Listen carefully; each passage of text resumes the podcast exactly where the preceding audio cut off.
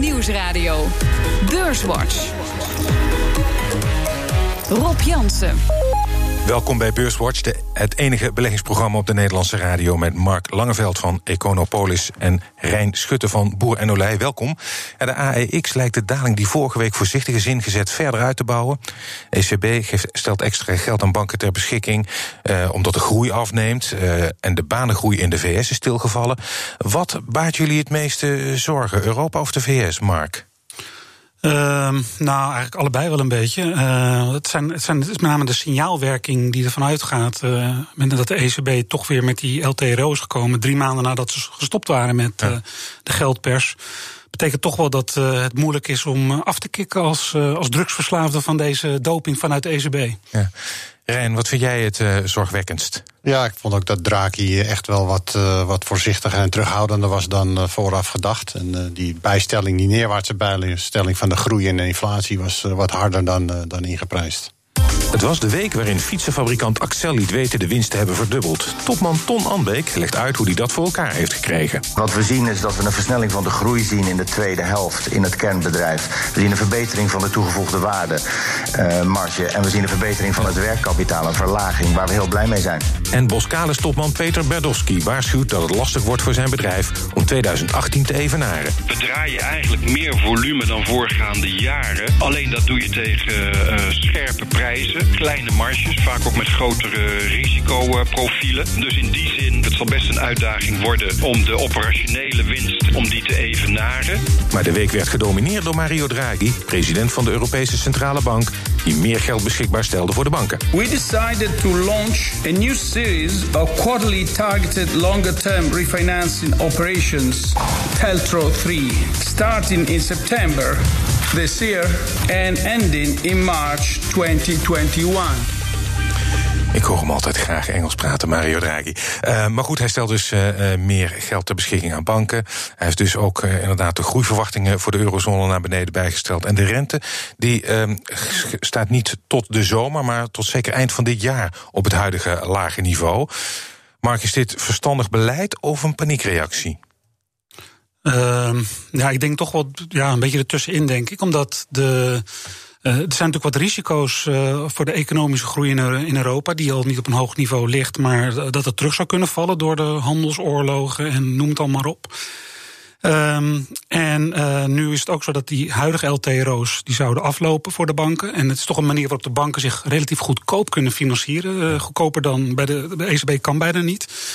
En als dat zou aflopen, dan zouden ze toch in de markt moeten gaan financieren. En dat, dat zou duurder zijn geweest. En dat zou ja, gevolgen kunnen hebben voor de kredietverstrekking eh, of het terugroepen van kredieten van banken.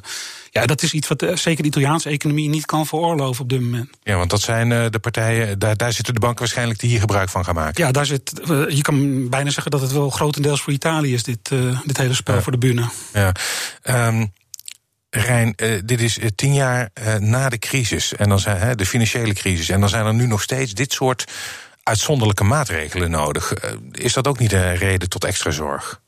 Nou ja, je ziet eigenlijk al dat sinds het uitbreken van die crisis, zeg maar, dat door die superlage rentes, dat je eigenlijk ook een lagere economische groeipad bent ingeslagen, ergens tussen de 0 en de 2. En je zal een keer een uitschieter hebben naar boven, zoals we vorig jaar hebben gezien. Ja. Maar hetzelfde zie je in al die andere economieën. Amerika is daar een uitzondering vanwege die belastingverlagingen, waardoor de groei op een wat hoger niveau ligt. Maar uh, kijk maar, zoals in Japan, het is gewoon ontzettend moeilijk om met monetair beleid uh, een economie echt een boost te geven. Ja, uh, dus ik moest ook meteen aan Japan denken, waar ze dus inderdaad al een hele lange periode eigenlijk op vrij. Daar gebeurt niet zoveel, tussen aanhalingstekens. Stel nou dat de economie verder verslechtert, Mark. Wat, wat kan de centrale bank dan nog doen? Of is het dan echt aan politici om in te grijpen in een economie? Ik denk dat de, centrale, de, ja, de ammunitie van de centrale bank is al een beetje uh, op, denk ik. Want we hebben natuurlijk tijdens het kortstondig herstel wat we hebben gezien... nagelaten om de rentes wat te verhogen, zoals Amerika wel heeft gedaan. Ja. Um, dat betekent dat Amerika bij het terugval van de economie heeft beperkte ammunitie om wat te doen als centrale bank. En Europa hebben die ammunitie eigenlijk helemaal niet. Dus uh, dat is wel zorgwekkend voor laat ik zeggen, de middellange termijn. Op het moment dat we terug zouden vallen, dat we weinig tools meer hebben om dat nog te te stimuleren. Ja, ja Amerika staat er, hè, lijkt wat robuuster te zijn als je kijkt naar de groei. Ook al zie je daar toch al enige scheurtjes. Vanmiddag kwam er een banencijfer naar buiten, 20.000 banen erbij. Terwijl economen rekenden op 180.000. Um, Mark, moeten wij ons zorgen maken over de Amerikaanse economie? Is dit, inderdaad, is dit eenmalig, denk jij? Of, eh? Nou ja, we hebben natuurlijk wel te maken met het, uh, het, het, op de piek staan van de handelsoorlog tussen Amerika en China. Wat, uh, hoe de uitkomst ook zometeen zal zijn. Uh, in ieder geval tot een hoop onzekerheid in de markt leidt. uitstellen van, beslissing, of van investeringsbeslissingen. En ik kan me voorstellen dat dat ook bij bedrijven ertoe leidt dat ze wachten met het aannemen van personeel. Ja. Dus dat zijn wel de consequenties van de, de handelsoorlog of de dreigende handelsoorlog die, eh, die op de achtergrond speelt. Uh, ik denk wel dat dit het, uh, misschien een begin is van een wat, wat, wat lagere groei in Amerika. De uh, Amerikaanse economie heeft denk ik elke maand zo'n 200.000 nieuwe banen nodig om puur zeg maar de bevolkingsgroei absorberen. te absorberen. Dus ja, elke maand dat je eronder zit, ga je in principe terug in je economische activiteit. Hmm. Wat is jouw oordeel over de Amerikaanse economie, Rijn? Ja, die ja, je, je hebt je toch wel verbaasd over dat het vierde kwartaal eigenlijk toch nog wel vrij goed was. Uh, terwijl de wereldeconomie al duidelijk aan het afkoelen was. Maar je ziet toch dat uh, zo'n grote economie toch ook niet uh, onafhankelijk kan blijven ten opzichte van, van wat er in China en met name Europa gebeurt. Ja. En die stimuleringmaatregelen die, die zijn nu een beetje uitgefaseerd van, van Trump. Dus dat, daar ga je niet een extra boost meer uit krijgen. Ja. Dus dat, ja, volgens mij hoort dat gewoon in het beeld van wat je toen de new normal noemde. Van gewoon lage, beperkte groei. Als de rente nul is, dan. Ja, je kunt wel heel veel gratis geld gaan geven. Maar dat wil niet zeggen dat daar ook echte ac economische activiteit uit volgt. die bijdraagt tot een echt goed herstel. Ik gaf jullie net de keus. Hè? Eh, wat is erger, eh, Amerika of uh, Europa? Maar in China vandaag export in februari 21% gedaald, Mark. Dat is ook uh, een risico voor ons eigenlijk. Of dat zegt ook iets over. Uh, allemaal met elkaar verbonden. Ja, nou, het zegt iets over de wereldhandel. Of de, de, dreiging voor de wereldhandel. En dat verklaart misschien ook waarom de, de Federal Reserve. Uh, heeft aangegeven dat ze bereid zijn om opnieuw te helpen met een quantitative easing programma, een verruimingprogramma of de renteverlagingen later dit jaar, als, het, als de markt het daarom zou vragen. Nou, uh, wat Draghi nu afgelopen week doet, uh, wekt mij ook de indruk dat er wat meer aan de hand is dan. Uh, dat we misschien allemaal willen geloven vandaag. Dus ja, dat, dat zijn wel de risico's. En het heeft veel te maken met ja, de, de status van de wereldhandel op dit moment. Ja, en dan hebben we nog vandaag over drie weken precies loopt de Brexit-deadline. Ja. Dan is het 29 maart. Dat is ons eigen probleem, ook nog eens een extra probleem uh, voor Europa. Met welk scenario hou jij uh, rekening? Wat is volgens jou het meest waarschijnlijk? Uitstel? Ik denk dat het, nou ja, ik denk nog steeds dat uitstel het meest waarschijnlijk is. En uh, ja, je, je, je hoopt aan de ene kant uh, in het kader van het voorkomen van chaos dat er misschien een tweede referendum toch als, als compromis wordt gedaan, waaruit in ieder geval een, een, een nieuwe test wordt gedaan van de bevolking. Ja of wat de, de, de, stelling vandaag is. En er zijn natuurlijk uh, redenen om aan te nemen dat het misschien nu wel een remain zal, zal zijn. Maar ik weet niet of het zover komt. Uh, dat is iets wat de Engelsen zelf uh, moeten, moeten beslissen uiteindelijk. Wat is jouw uh, verwachte scenario, Rijn? Waar ga jij Ja, ik denk ook wel uitstel. Of, uh, maar die uitstel kan maar beperkt zijn, omdat eind mei al die Europese verkiezingen zijn. Dus dat, dat moet voor die tijd dan afgerond zijn. Mm. En ik denk ook wel dat die Engelsen wel duidelijk moeten hebben gemaakt voor die tijd wat ze dan ook echt willen. En, uh, en dat gaat volgende week zich aftekenen welke opties er dan nog overblijven. Maar uitstel lijkt me wel de meest waarschijnlijk, inderdaad. Het zou een groot gevolg hebben voor een aantal Nederlandse bedrijven zoals Unilever en Shell en uh, de uitgever. Die hebben dubbele notering. En de verwachting is dat als er een harde brexit komt, dat dan de handel, dat dan de, de, de, de notering in uh, Europa, dus in ons geval dus in Amsterdam, zou verdwijnen. Hoe, dat zou me een, lijkt me een ramp voor beleggers, Mark. Ja, nou goed, ik denk dat dat. Laten we afwachten wat er gebeurt. Ik kan me voorstellen met dual listings dat zodra er een, een harde brexit is, dat uh, opnieuw moet worden bezien wat de status is van de Londense beurs en wat de status is van de Europese beurzen. ik kan me voorstellen dat wat zoals nu geregeld is, dat het dan opnieuw of anders geregeld moet worden.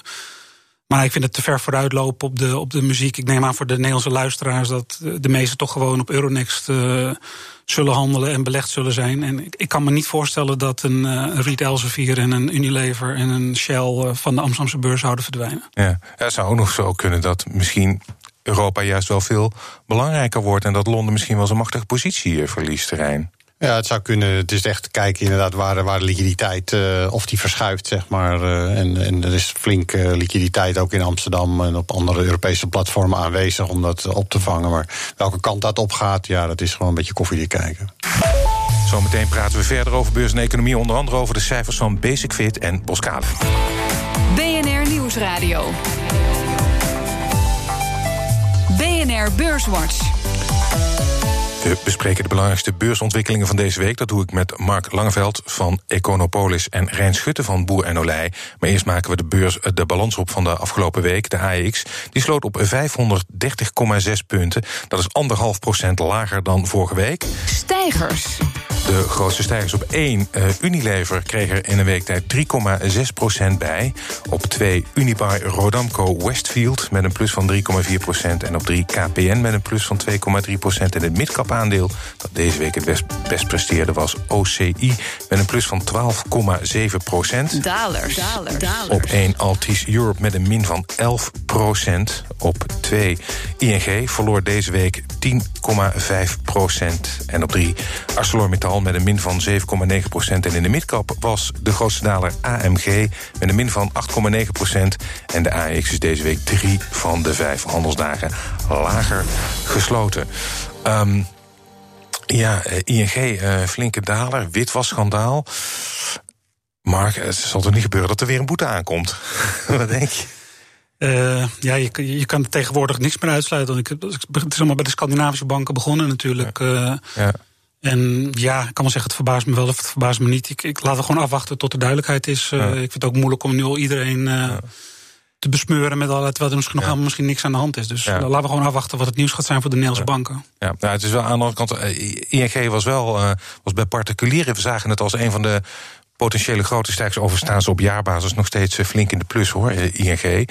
Ehm, uh, dus het is even afwachten in hoeverre dit doorwerkt uh, voor de lange termijn. Wat denk jij, uh, Rijn? Ja, kijk, ING was vorig jaar natuurlijk de daler van het ja. jaar. En daar is wel nu een stukje van ingelopen. Maar deze week raak je wel weer makkelijk kwijt. En ik denk ook zeg maar, dat die renteontwikkeling, ook het negatieve sentiment, extra ja. voet rond het verdienmodel van banken überhaupt. Dus ja. ja die krijgen het gewoon nog zwaar. En de waarde zie ik wel. En, maar als er echt iets gaat veranderen in rente of economische activiteiten trekken wat aan, dan neemt de angst voor defaults af en dan, dan komt het wel weer. Maar op dit moment is het gewoon niet het scenario. Ja. Ik denk ook dat de banken uh, meer risico hebben van het feit dat zo'n Deutsche Bank en Commerzbank, die dan nu weer genoodgedwongen eh, samen moeten gaan om de problemen daar op te lossen. En natuurlijk Italiaanse banken, wat natuurlijk aan de, aan de oppervlakte blijft komen. En ja, ja ik vind dat is misschien wel een algemene opmerking. Banken weinig innovatief als het gaat om hun productontwikkeling. Mm. We krijgen wel allemaal de brieven met de tarieven gaan omhoog. Ja. Maar ja, ik denk met fintech wat om de hoek staat, uh, zijn, nemen de risico's van uh, jonge innovatieve bedrijven waar je ook kunt bankieren, nemen wel toe. En ik denk dat dat ook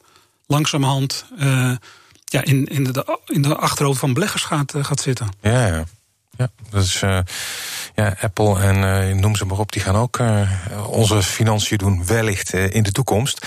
Um, ik wil even naar Boskalis. We hoorden aan het begin van de uitzending al topman Peter Berdowski. Um, hij stoot zijn havensleepdiensten af. Moest vorig jaar vooral moest hij het hebben van de baggerdivisie. Die draait goed, waar de kern van het bedrijf. Dit jaar wordt lastig om het vast te houden. Mark, wat vond jij van die cijfers? En vooral ook van die vooruitzichten dat het dit jaar zo moeilijk wordt. Nou, de cijfers waren op zich nog wel in lijn, maar de vooruitzichten voor 2019, daar had de markt gewoon op meer gerekend. Hè. Ja. Uh, en de uitspraak dat het een uitdaging, een uitdaging wordt om de winst uh, te evenaren. Ja, dat las je ook terug in de dividendverlaging naar. Ja, gehalveerd, hè? Ja, gehalveerd naar 50 cent, waar de markt op 60 cent had gerekend. Dus de markt ging uit van een verlaging, maar dit was toch iets meer. Ja, dus het is heel veel prudentie. En op zich is dat natuurlijk de prijs, want ik neem aan dat ze de markt gewoon goed inschatten. Mm. Maar ja, als belegger zouden we misschien op iets, uh, iets, iets meer vrolijke, vrolijkheid uh, gehoopt. Ja. Um, en uh, Rijn, in de gas- en de, de, offshore en de gassector wordt nauwelijks verdiend, zei hij ook. Um, dat is een sector die het moeilijk blijft houden. verwacht jij dat dat de komende tijd ook zo blijft? Of? Ja, kijk, voorheen hing het erg af van die investeringsuitbreidingen van die grote oliemajors. En die, je ziet dat die ook gewoon uh, terughoudend blijven en, en uh, plannen wel wat langer in die ijskast houden. En je zag zo'n branchegenoot van, van Fugro vanmorgen met dat CGG uit Frankrijk met die uh, groter verlies dan verwacht weer in Q4. Ja. Dat zijn de uitspraken over 2019 verwachtingen blijven dan wel positief. Maar ja, het duurt lang. En het, je blijft maar in die overgangsfase zitten. In de echte ja, beleggers willen nu wel een keer zien van dat er ook echt uh, duidelijk verbetering in ja, Die olieprijs die wil ook niet echt heel hard omhoog, toch? Op de uh, flinke stijging zitten we voorlopig nog niet in. Nee, nee, en er was natuurlijk ook weer het bericht vandaag van het Noorse uh, pensioenfonds... die dan niet dubbel exposure wil hebben naar en olie- en gasinkomsten voor de staat. Ja. En dan daarnaast met hun belegging hebben ze natuurlijk ook exposure op olie- en gaswaarde... En dat bericht is wel twee keer weer gerectificeerd, geloof ik, vandaag. Maar ze willen in ieder geval wat minder exposure met de beleggingen hebben naar olie en gas. Uh, ja. En zoals ik het begrijp, heeft dat geen impact op hun positie in Royal Dutch. Want die zit ook in raffinaderijen. En raffinaderijen uh, werden uitgezonderd van de lijst. Maar er waren toch wel wat diverse oliebedrijven die uh, opeens op de zwarte lijst komen bij het Noorse Fonds. Ja. Oliemaatschappij op de zwarte lijst. Dus zij nemen daar dus afstand van, Rijn. Is dat vanuit beleggersstandpunt verstandig? of je hun voorbeeld moet volgen. Ja, het, het, ik, ik denk, kijk, zij hebben dat, dat, uh, dat geval natuurlijk bijna dat ze dan dubbel geraakt worden. Mocht die olieprijs in één keer weer halveren. Hè, wat we al eerder hebben gezien in het verleden. Dat willen ze voorkomen. Kijk, en voor andere portefeuilles van particulieren of van, die is gewoon qua weging van belang dat je niet te veel in één sector allokeert. Maar verder hoef je daar niet direct actie op ondernemen. Nu. Meer vanuit hun eigen standpunt. Uh, misschien wel verstandig. Ja. Um, dan gaan we naar Basic Fit. Dat is uh, een snel groeiende keten. Ja, is natuurlijk bekend van uh, hun reclames. Um, omzet afgelopen jaar met 23% gestegen. Netto winst 60% omhoog. Het bedrijf wil dit jaar nog harder groeien. En toch waren beleggers niet zo enthousiast over de cijfers. Mm. Mark, heb jij enig idee waarom? Nou, volgens mij waren de, de cijfers waren prima. En ook de, de, de groei van het aantal nieuwe clubs ja. uh, was naar boven toe, was meer dan verwacht. Ja. Maar ze hebben ook de doelstelling om het aantal nieuwe clubs wat ze willen openen, hebben ze van 100 naar 125 per jaar verhoogd. En dat voor de komende jaren, want ze willen op 1000 clubs zitten in 2021. Eh, en dat is denk ik een teken dat de groei en de potentie heel groot is. En die, die potentie willen ze pakken. Maar het betekent wel dat het moment waarop zeg maar, uh, de eerste free cashflow of de vrije kaststroom zou gaan komen, waaruit een dividend misschien te betalen was. Hm dat dat waarschijnlijk ook weer wat naar achter is geschoven. En ik denk dat dat laatste uh, bij dividendbeleggers, ja. ik heb het niet over groeibeleggers, maar dividendbeleggers, wat teleurstellend misschien was. Maar als je ja. meer in groeifondsen gelooft, dan denk ik dat het bericht prima ja. was. Ja, over dat dividend gaan ze geloof ik in november met uh, meer nieuws uh, komen. En ze promoveren naar de midcap. Ja dat kan misschien voor. Hè, dan wordt er misschien ook wel wat meer in gehandeld. Dus er zit dan misschien ook wel wat meer koerspotentieel in. Of mag, dat niet, mag dat die conclusie niet te snel trekken? Nou ja, ik, ik weet niet hoeveel beleggers hun uh, zeg maar een mandje samenstellen op basis van de Amsterdamse midcap. Het, ik, bij de MSCI World en de MSCI Europe geloof ik dat wel. Ja. Maar of er nou heel veel Nederlandse beleggers de, de midcap repliceren, ik geloof niet dat het effect van uh, ja. gepromoveerd worden naar het zij de AX of de midcap dat dat daadwerkelijk hele grote volume eh, veranderingen met zich meebrengt. Ja, in het verlengde zou ik willen vragen, Adyen, die gaat uh, betaaldienst, over fintech gesproken, uh, gaat naar uh, de AX. Dat maakt dus waarschijnlijk ook niet zo heel veel uit, zeg maar, koers. Uh, niet voor de, zeg maar, de AIX. Uh, als het zeg maar, in de MSCI, uh, dat, dat heeft een grotere impact. Hmm. Omdat zeg maar, ja, de, degene die het AIX als benchmark volgen, dat zijn met name Nederlandse fondsen. Dat zijn er niet meer zoveel die hmm. specifiek Nederlands-Hollands beleggingsfondsen hebben. Uh, als je hebt over globale liquiditeitsstromen, dan heb je het uh, met name over die grotere indices, de, wat ik zeg, de MSCI. Ja. En die kijken niet zozeer naar de AX of de AMX. Uh, mm. Samenstelling. Ja, dus een ander groeiaandeel met cijfers komen, farming. Uh, zij uh, opende dus de boeken deze week. Voor het eerst in 30 jaar is er winst gemaakt met het geneesmiddel Ruconest. Uh, dat uh, doet het heel goed in heel veel landen. Er zou ook nog uh, veel meer in de pijplijn zitten aan nieuwe middelen. Um, denk je dat ze dit kunnen vasthouden, deze mooie cijfers? Ik vind biotech een vreselijk moeilijke sector om. ik heb zelf nooit vroeger een witte jas aangehad. Ik heb ook geen verstand van medische en health. dus ik vind, het, ik vind het moeilijk. Ik vind als je in biotech belegd wil zijn, dan moet je er 10 of 20 kopen in de hoop dat er een paar doorbreken. Ja.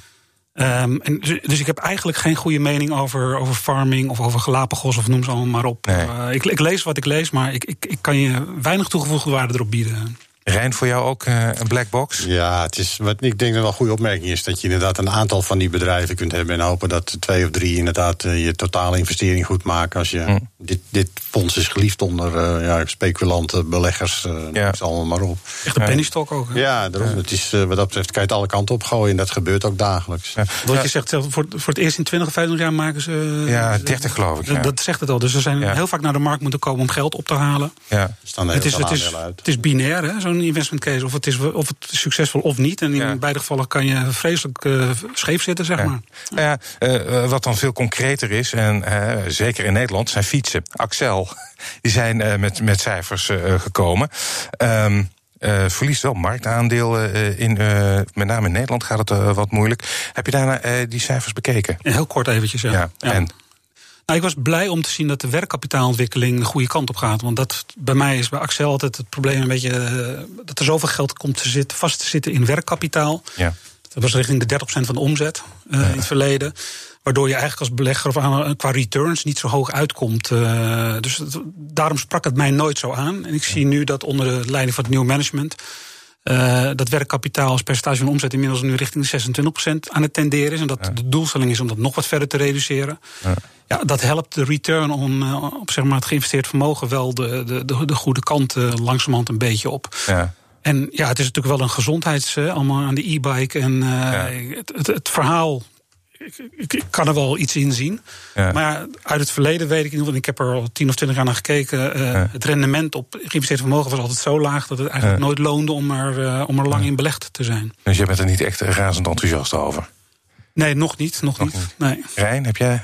Nou ja, kijk, met name omdat die PON uh, daar aangeschoven is op een heel goed moment, zeg maar. Denk ik dat, er, dat die goed meekijken van wat daar gebeurt. En uiteindelijk misschien dan wel de move een keer gaan maken. Ja. Die turnaround die ze ingezet hebben was redelijk aan de late kant. Met name voor hm. het channel wat ze met die online, dat hebben ze laten liggen. Ja. In Amerika gaan ze dan nog de strategische beslissing nemen. Maar volgens mij hebben ze die wel genomen dat ze daaruit gaan. Ja. En daar komt misschien nog wel een afboekingje van. Maar dan kun je je concentreren op de dingen die wel goed gaan. Dus ik, ik geloof wel in het, het verhaal. Ik zie de potentie en de marge. Ja. En ook dat uh, ik zie jongere kinderen al op e-bikes uh, rondrijden hier in, in de grote steden. Dus dat, dat, daar zit echt wel wat meer marge op. Dus het kan wel. Maar, uh, mm. Ik vind wel dat door dat PON dat belang heeft genomen, is de kans op een overname door een andere partij natuurlijk wel minimaal geworden. Waardoor in ieder geval een stuk overnamepremie die er voorheen wel in zat. Die is er uitgelopen. Die is er wel uitgelopen nu. En die komt ook niet zo gauw meer terug, denk ik. Ja. We zijn uh, alweer uh, aan het uh, einde van dit programma bijna. En dat betekent dat jullie de luisteraar een tip mogen geven. Rijn, wat is jouw tip voor de luisteraar? Nou, ik zou nog echt terughoudend zijn met aandelen kopen. Maar als die daling doorzet, kijk ik van naar de Europese autosector middels een ETF de autosector uh, middels een ETF. Um, Mark, wat is jouw tip voor de luisteraar? Ja, het ligt, ligt een beetje aan wat voor tijdshorizon je hebt. Maar um, ik, ik, kijk met heel veel uh, aandacht naar onder andere een goudmijn op dit moment als contraire belegging. En ook omdat die het jarenlang niet zo goed hebben gedaan. En dat lijkt zich allemaal technisch gezien nu wat te draaien. En ook gezien het beleid dat de ECB nu toch weer geld gaat printen. De Federal Reserve toch wel geld weer, weer gaan printen. Eh, dat zou allemaal ten gunste van goud moeten zijn. Dus ik, ik wil uh, naar goudmijnen kijken. Dan is ook een ETF eh, zoals de GDX of de GDXJ. Dat is een mandje van goudmijnen of junior goudmijnen. Ja. Die dan uh, prima functioneert. Ja, ze zeggen dus, ja, de goudprijs was eigenlijk gestold angstzweet. Ja. ja. maar goed, jij zegt een, een tracker op goudmijnen. Ja en een tracker op de Europese autosector. Dit was uh, BNR uh, Beurswatch. Hartelijk dank, Mark Langeveld van uh, en Rijn Schutte van Boer en Olij. Als u wilt reageren, dan kunt u een mail sturen naar beurswatch.bnr.nl of tweeten naar Rob. Terugluisteren, dat kan via de site, de app, iTunes of Spotify. En graag tot volgende week.